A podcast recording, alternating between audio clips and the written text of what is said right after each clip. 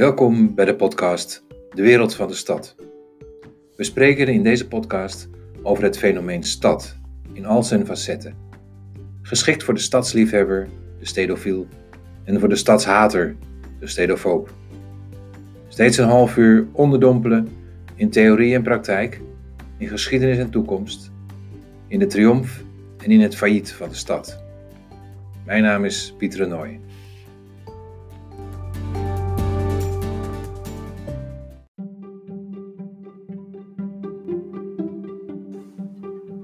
Deze aflevering van de podcast staat niet een persoon centraal, maar een begrip: gentrificatie. Gentrificatie is het proces waarin wijken en buurten veranderen door de komst van een andere groep bewoners. Over dit fenomeen woedt al jaren een stevige discussie. Is het positief of juist negatief te beoordelen? We spreken erover met Tim Verlaan. Tim is universitair docent moderne stadsgeschiedenis aan de UvA. Hij heeft ook veel onderzoek gedaan naar en gepubliceerd over dit proces van stedelijke dynamiek.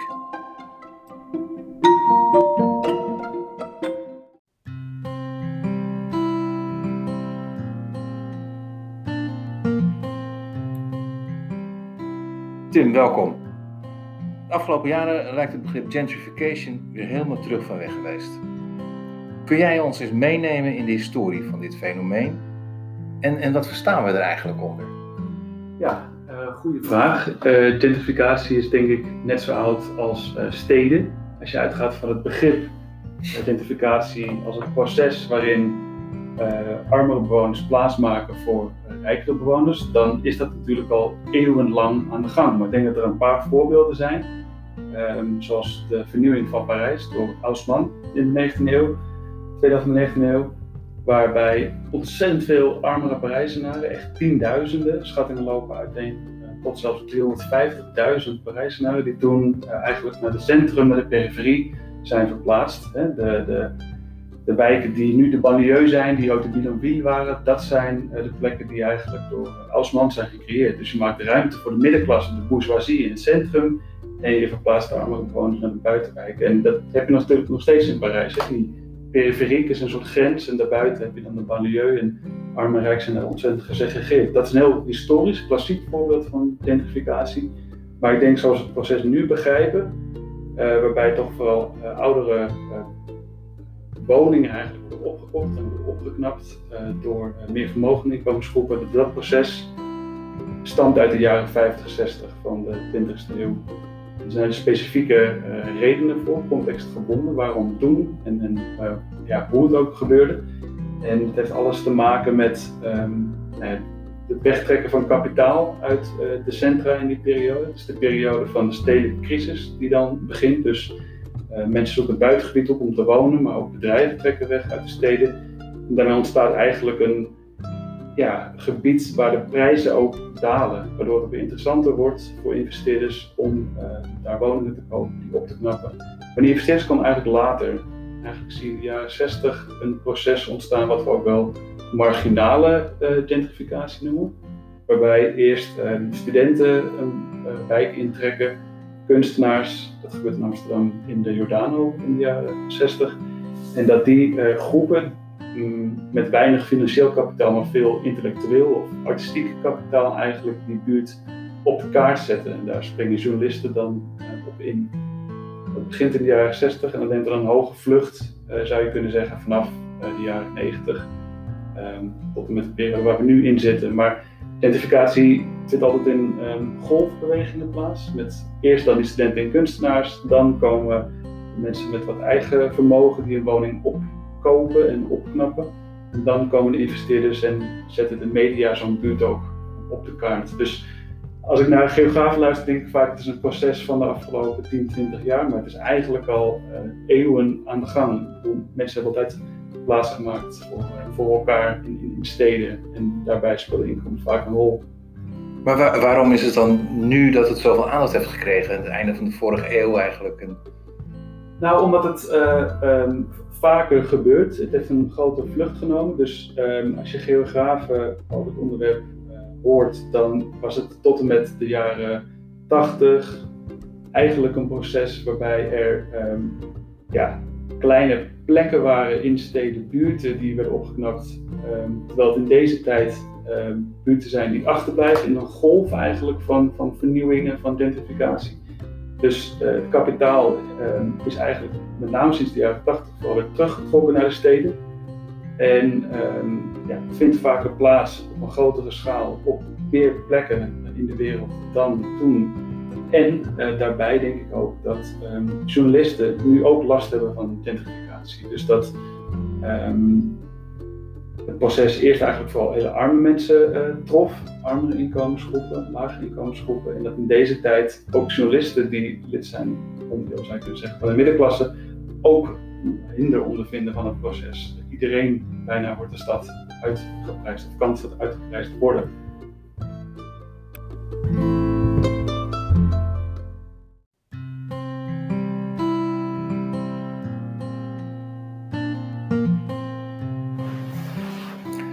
Goed, uh, je vertelt dat de gentrification dus niet van vandaag of gisteren is, het proces. Um, wanneer is dat nou eigenlijk goed op de kaart gezet door, eh, door wetenschappers? Wanneer is dat begonnen en, wie waren dat? Dat waren vooral um, sociologen en geografen. Uh, Ruth Glass, een um, Britse sociologe die omschreef eigenlijk voor het eerst in Londen het proces van gentrificatie zoals we dat nu begrijpen. Dus Islington, een uh, arbeiderswijk in die tijd, waar zij voor het eerst doorkreeg dat panden die waren verkamerd, hè, die tot pensions waren verbouwd, uh, waar vaak uh, migranten woonden of uh, arbeiders, dat gaat ook vaak samen natuurlijk, dat um, die panden werden opgeknapt door um, ja, meer vermogende inkomensgroepen, een nieuwe stedelijke middenklasse, die mensen die werkten vaak in de stad, die um, werkten ook vaak voor de overheid en die voelt zich aangetrokken eigenlijk door de authenticiteit van zo'n oudere woning. Dus uh, daarmee kon je jezelf ook verbijzonderen. Dus in tegenstelling tot een saaie woning in het buitengebied, uh, in de suburbs, kon je nu iets kopen in de binnenstad en daarmee aan je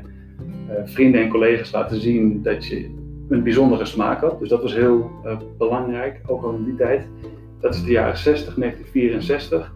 En je ziet dan eigenlijk in alle grote westerse steden in die periode dat er um, bepaalde buurten, die vaak uh, genomineerd waren om te worden gesloopt, om ruimte te maken voor het proces van cityvorming, dat die buurten beginnen te gentrificeren. Heel voorzichtig, eerst met die uh, studenten, kunstenaars, journalisten. Uh, Jane Jacobs bijvoorbeeld is ook een gentrificeerder, iemand die in Greenwich Village komt te wonen als journalist daar allemaal arbeiders uh, weet te mobiliseren in de strijd tegen Robert Moses. Maar Jane Jacobs is heel belangrijk geweest uh, voor ons denken over de stad, maar ook iemand die zich aangetrokken voelde tot zo'n uh, arbeidersbuurt en ook daar de authenticiteit van zag. Um, dat is de jaren 60. Hè. Jane Jacobs is ook begin jaren 60, Rob Glass. En dan um, zien we het proces in allerlei steden optreden, maar ook in Amsterdam. Dat begint dan in de Jordaan. Um, Eerst met die, met die kunstenaars inderdaad die voorzichtig de buurt inkomen, maar ook monumentenbeschermers hebben een belangrijke rol gespeeld met het uh, ja, waarderen van oudere huizen als uh, beschermenswaardig, wat ook weer wat betekent voor de prijzen van die woningen. Um, en dat zien we in de jaren 60, 70 gebeuren in de Jordaan inderdaad. En dan voor het eerst wordt het opgemerkt in de Nederlandse context door Kees de Corti en Jacques van de Ven en Elke de Wijs Mulkens um, in artikel 1981. En dan gaan ze eigenlijk kijken van wat Ruth Glass beschrijft in Londen en andere collega's in Anglo-Saxische landen. Zien we dat hier nu ook gebeuren. Dat is dan in Nederland het eerste onderzoek naar gentrificatie. En dan zeggen ze ja, maar nee, natuurlijk wat historici of uh, geografen, wetenschappers doen is vaak kanttekeningen plaatsen bij zo'n model. Maar ze komen er toch wel op uit dat uh, bijvoorbeeld de verzorgingsstaat heel belangrijk is, is geweest voor eh, het ontstaan van het gentrificatieproces. Want wat gebeurt er in die naoorlogse periode? De verzorgingsstaat breidt uit. Je krijgt steeds grotere aantallen studenten, steeds meer uh, mensen die werken voor die kwartaire sector eigenlijk. En dat zijn vaak binnenstedelijke uh, instituties. Dus die mensen hebben een goedkope woonruimte in de binnensteden. Dus je zou kunnen zeggen dat gentrificatie ook in Nederlandse context een neveneffect is geweest van de expansie van die uh, verzorgingsstaat. Dus het is geen doelbewust beleid, uh, beleid geweest, maar wel een, een, neveneffect zou je kunnen zeggen van grotere uh, ontwikkelingen. Dus niet alleen maar hippies die als eerste een wijk introkken, maar ook een, een klasse werkende babyboomers. Ja, precies. Ja. En die, die, hippies, daar begint het wel vaak mee. Je hebt een aantal klassieke studies. Je hebt ook het werk van David Lee en Neil Smith. Dat zijn echt uh, grote namen in de geografie als het om gentrificatie gaat. En dat die zeggen, het begint vaak met hippies. Het begint met uh, de, de, de, de, artiesten, de kunstenaars. Maar dan uh, volgt al heel snel de middenklasse. Um, maar je hebt gelijk als je zegt, de babyboomers inderdaad. Mensen, um, ja, vaak een twintiger, dertiger jarigen die dan in de stad werken en nou, graag ook dicht bij hun werk wonen en zich aangetrokken voelen tot het stedelijke vestigingsklimaat.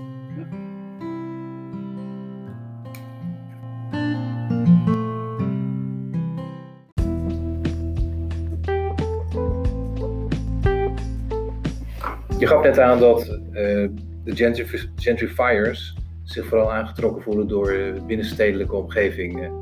Betekent dat dat gentrification echt een proces is voor binnensteden, voor grote steden?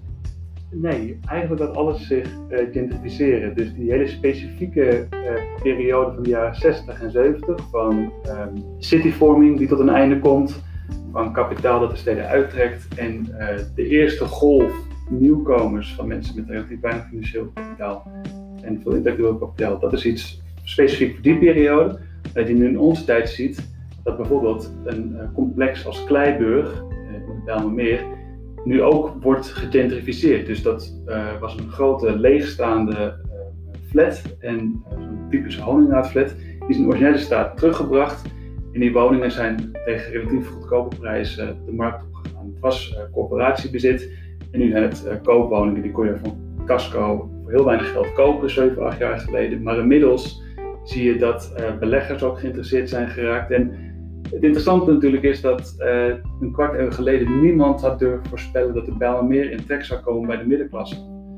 Um, maar wat je daar dus ziet gebeuren is interessant genoeg vergelijkbaar met wat er gebeurde in de Jordaan. Dus dat er um, op een gegeven moment hele lage prijzen zijn. Het wordt interessant om die in te kopen als uh, particulier of als investeerder. En um, je doet dat enerzijds omdat je misschien wel uh, wat wil verdienen aan de koop van zo'n woning. Anderzijds ook omdat je je opnieuw kunt verbijzonderen met een woning in zo'n kleibrug. Die, die flat is helemaal in staat uh, teruggebracht. Dus dat laat zien dat gentrificatie niet meer iets is van alleen maar binnenstedelijke gebieden. Juist ook um, bedrijfsterreinen kunnen uh, in deze tijd gentrificeren, waarbij niet oudere bewoners, maar wel functies um, plaatsmaken voor bewoners. Um, Soho in New York was natuurlijk ooit een uh, ja, industrieel gebied eigenlijk met veel uh, pakhuizen. En um, daar zijn niet mensen verdwenen om plaats te maken voor meer vermogen inkomensgroepen, maar wel hun werkplaatsen bijvoorbeeld. Dus verdrijving hangt er vaak mee samen, maar wat ik wil zeggen is dat gentrificatie net iets is dat niet voorbehouden is aan binnenstedelijke leefgebieden. Het is wel logisch dat het daar gebeurt, omdat het nog steeds de meest gewilde delen zijn van een stad, maar inmiddels zijn steden natuurlijk zo populair sinds nou, bij vier decennia, dat ook meer suburbane gebieden in de omgeving van die steden locatie kunnen ondervinden. Dat heeft ook alles te maken met overheidsbeleid natuurlijk. Dat wordt vooral in Den Haag uh, gemaakt, in het geval van Nederland. Uh, maar dat er natuurlijk een hele vastgoeddynamiek achter zit. Hè, meer de aanbodkant van gentrificatie in plaats van de consumptiekant waar we het nu vooral over hebben gehad. Maar dat betekent uh, dat je ook uh, een wijk als uh, Osdorp of, of een voorstad als Soetermeer zou kunnen gentrificeren, bij wijze van spreken. Ja, zeker. Kijk, het hangt ook af van je definitie. Het is een chaotisch concept, daar zal ik niet te veel over uitweiden, maar ik ga altijd van de historische definitie, van oudere panden, waarin dat mensen wonen die dan plaats maken voor mensen met meer inkomen. Maar het kan ook in de meest uh, brede definitie betekenen strijd om schaarse ruimte.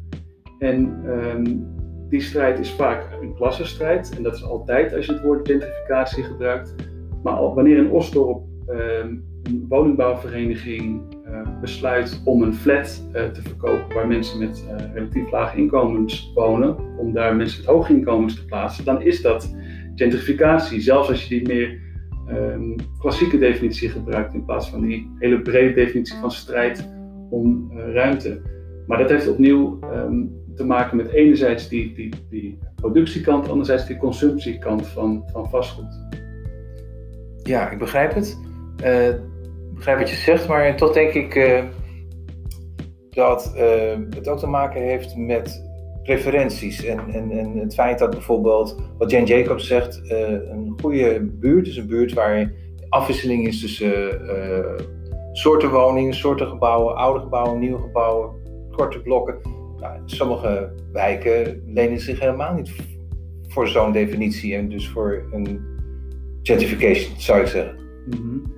Ja, maar dan denk ik toch dat Jane Jacobs uh, in de tijd waarin ze schreef weinig rekening hield met uh, toch wel de neoliberalisering van de woningmarkt over de afgelopen 20, 30 jaar mee te maken hebben gekregen. Dus dat steeds meer kapitaal die markt op is gekomen, dat het eigen woningbezit wordt aangemoedigd. En dat mensen niet zozeer kijken naar vind ik het een leuke buurt om te wonen, maar meer wat doet deze woning over vijf of tien jaar. En dat doen niet alleen particulieren, maar ook investeerders natuurlijk. En dat kan in Osdorp gebeuren, in de binnenstad uh, en de Bijlmermeer.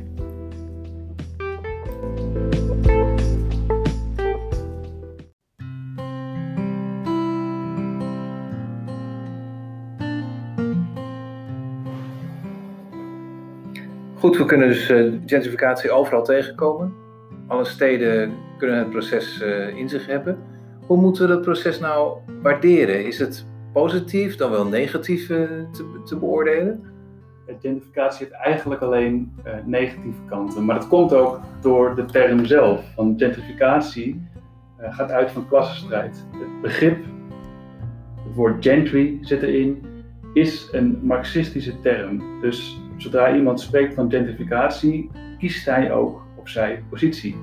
En als je het neutrale wilt beschouwen, het proces heeft het over herwaardering, revitalisering, vernieuwing. Maar gentrificatie aan zich is een kritische term. Dus ik denk dat als mensen zeggen gentrificatie kan ook goed zijn voor een buurt, dan moeten ze zich iets beter inlezen in de literatuur, zou ik zeggen.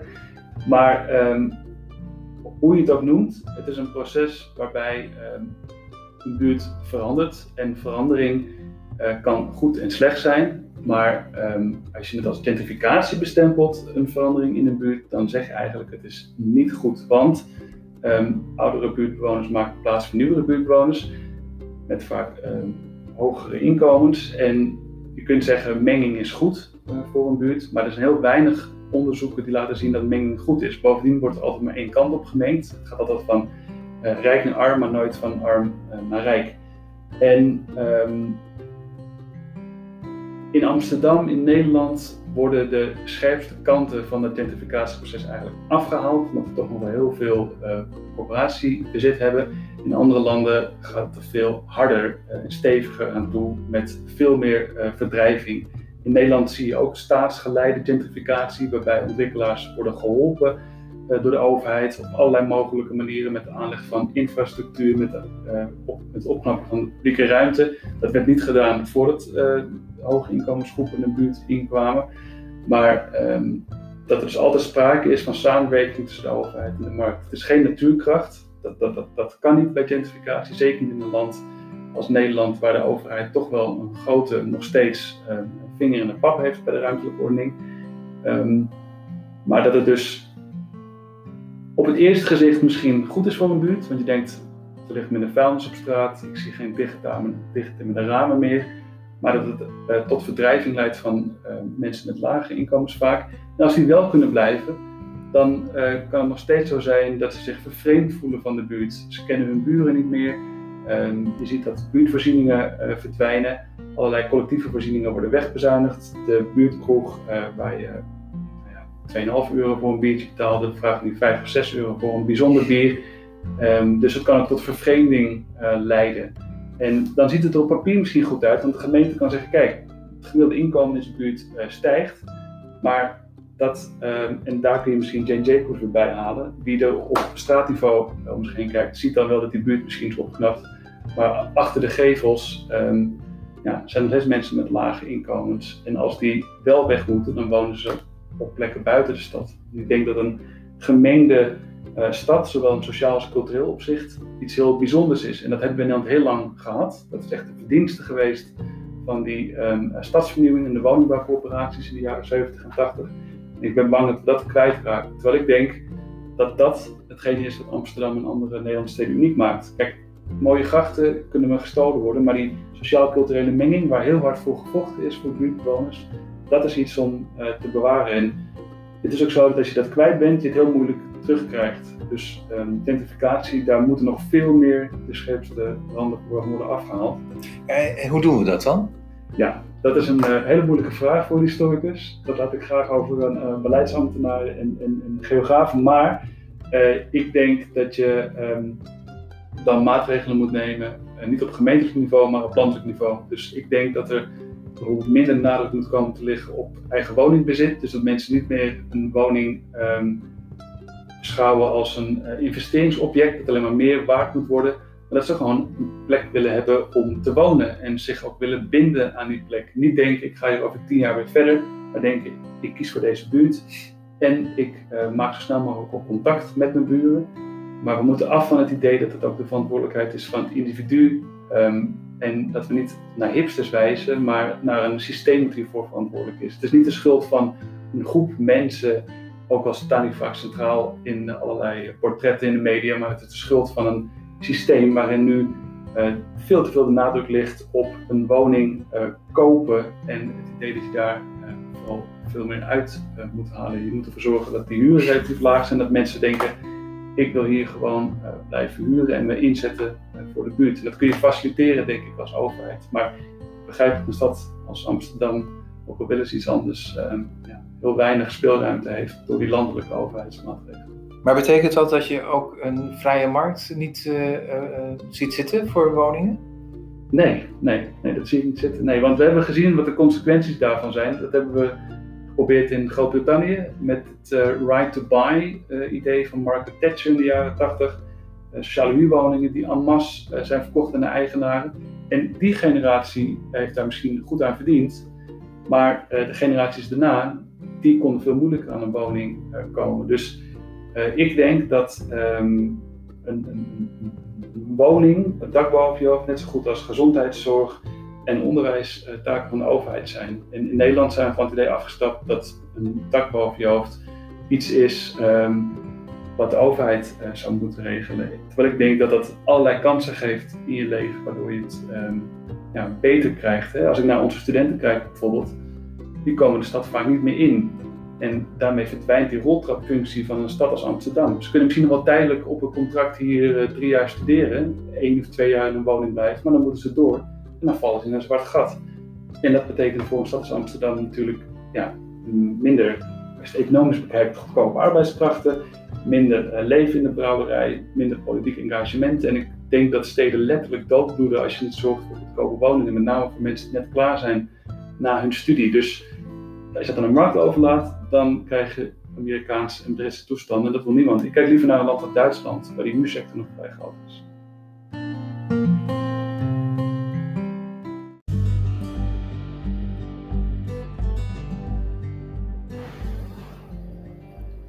Tim, tot slot, uh, we hebben het nu uitgebreid gehad over de gentrificatie. Um, hoe zit het met de mensen achter de gentrificatie, de gentrificeerders? Zijn dat nou nog steeds dezelfde soort uh, mensen? Ja, dat waren eigenlijk een halve eeuw geleden al uh, jonge tweeverdieners, vaak theoretisch opgeleid. En ik heb onderzoek gedaan ook naar gentrificatie in Londen en Islington. En daar schreef The Guardian eind jaren 70 al over Camembert colonialists riding their bike to work, drinking craft beers. Nou, als je dat hoort, dan denk je, dat is nog steeds het archetype, stereotype beeld van de gentrificeerder als iemand met uh, waarschijnlijk een baard en die houdt van uh, bijzonder bier en die fietst natuurlijk. Dat is in Amsterdam niet bijzonder, maar in Londen wel nog steeds. En eigenlijk is daar heel weinig in veranderd. Dus de achtergrond van die mensen is nog ongeveer dezelfde. Dus uh, vaak tweeverdienend stel, theoretisch opgeleid en op zoek vooral naar authenticiteit, waarmee zij zich kunnen verbijzonderen van anderen. En tegelijkertijd daarmee ook dezelfde eenheidsworst uh, zijn. Maar we moeten af van het bashen van, om toch maar Engelse term te gebruiken, gentrificeerders. En denk ik meer gaan kijken naar het systeem dat die mensen dwingt om in bepaalde buurten te gaan wonen. Oké, okay. Tim Heller, bedankt. Het was heel erg boeiend en um, we gaan het hierbij laten. Dankjewel.